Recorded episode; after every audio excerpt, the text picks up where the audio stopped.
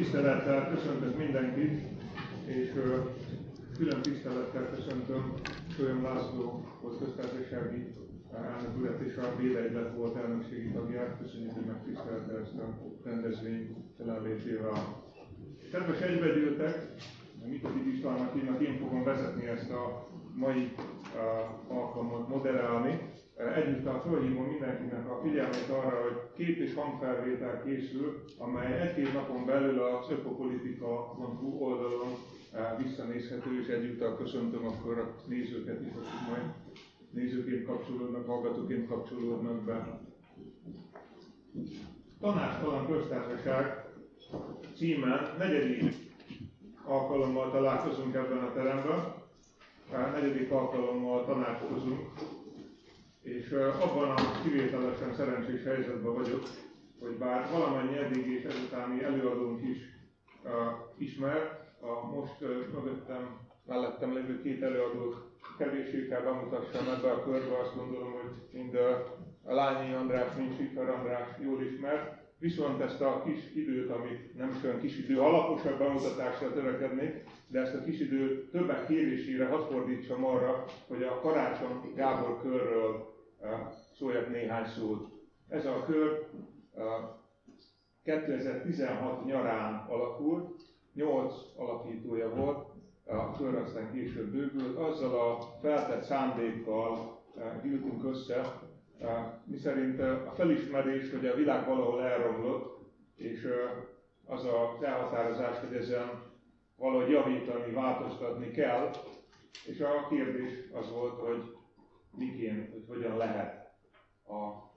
helyzetet felismertük, tudtuk, hogy kell változtatni, és a lehetem erre is igen választottunk, miként pedig igen választatott életével és műveivel, tevékenységével Karácsony Gábor is, hiszen ez a felismerés benne megvolt, és ezzel az elszántsággal, hittel, ami mindig fölül tudott kerekedni, a mindennapokon is fölül tudott kerekedni a gyakori elkeseredésen, látta ő is azt, hogy ez, ezen lehet változtatni, és mindannyiunkban közös volt alapítókban, hogy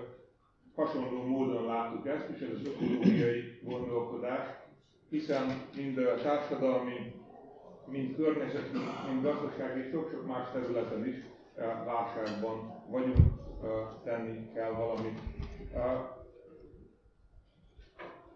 Kör 2016 és 17-es évben egy előadássorozatot hirdetett, ez két fél éves volt így, az őszi és a tavaszi fél év, ez a Fugában, a Petőfi utcában, 5. kerületben került ezekre az előadásokra sor. És az elmúlt évben pedig ősszel találkoztunk gyakrabban, és gondolgattuk, hogy milyen módszer, milyen kifejezésmód lehet az, amivel a nagy közönség elé állunk, fölmértük saját erőforrásainkat, lehetőségeinket, saját létszámunkat is, és úgy láttuk, hogy a legideálisabb talán elsőként egy ilyen előadás sorozat, amilyen végül ez a tanástalan köztársaság előadás sorozat lett, de mi nem adtuk fel, és továbbra is számos elképzelés, ötlet van arra, hogy milyen más módszerekkel, kisebb körben, még operatívabban, még szűkebb területekre koncentrálva folytassuk ezt a tevékenységet, és itt ragadom meg az alkalmat arra is, hogy minden, mindenkit invitáljak ebbe a munkába. A következő alkalommal már formálisan is igyekszünk több csatlakozási pontot, szabad vegyértékeket felmutatni. Jelen esetben még csak azt tudom kérni mindenkitől, hogy aki szervezőket, alapítókat, Karácsony Gábor körtagokat látnak, ismernek, azokat keressék bátran és a kapcsolatot, de ígérem a következő alkalommal már formálisan is lesz lehetőség erre. Végezetül, mielőtt átadnám a szót az előadóinknak, engedjék meg, hogy egy nagyon rövid kis történettel fejezzem be ezt a felvezetést. Talán leginkább azért, hogy ember közelébbé tegyem ezt a, ennek a körnek a gondolkodását és a, a, azt a pillanatot, amikor megszületett ez a tanástalan köztársaság név, mert hogy nem egyedüli versenyző volt. Elkezdtünk gondolkodni azon, hogy ugye ismerjük a jelen helyzetet elég alaposan, elég sok oldalról, sokféle tudományterületről érkezett tagokkal. Nagyjából nagyon sok jövőkép képet látunk, szenáriókat, amik előttünk vannak, és amikor a, mégis amikor a múltban nézünk vissza, akkor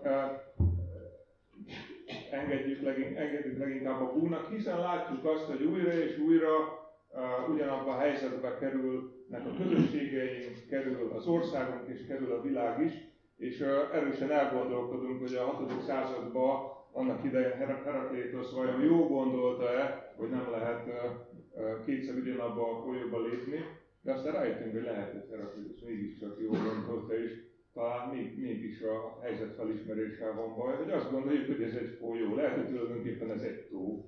Vagy a szarkasztikusan valaki azt mondta, talán bocsár. no de visszatérve a, a komoly, komoly, komoly dolgokra,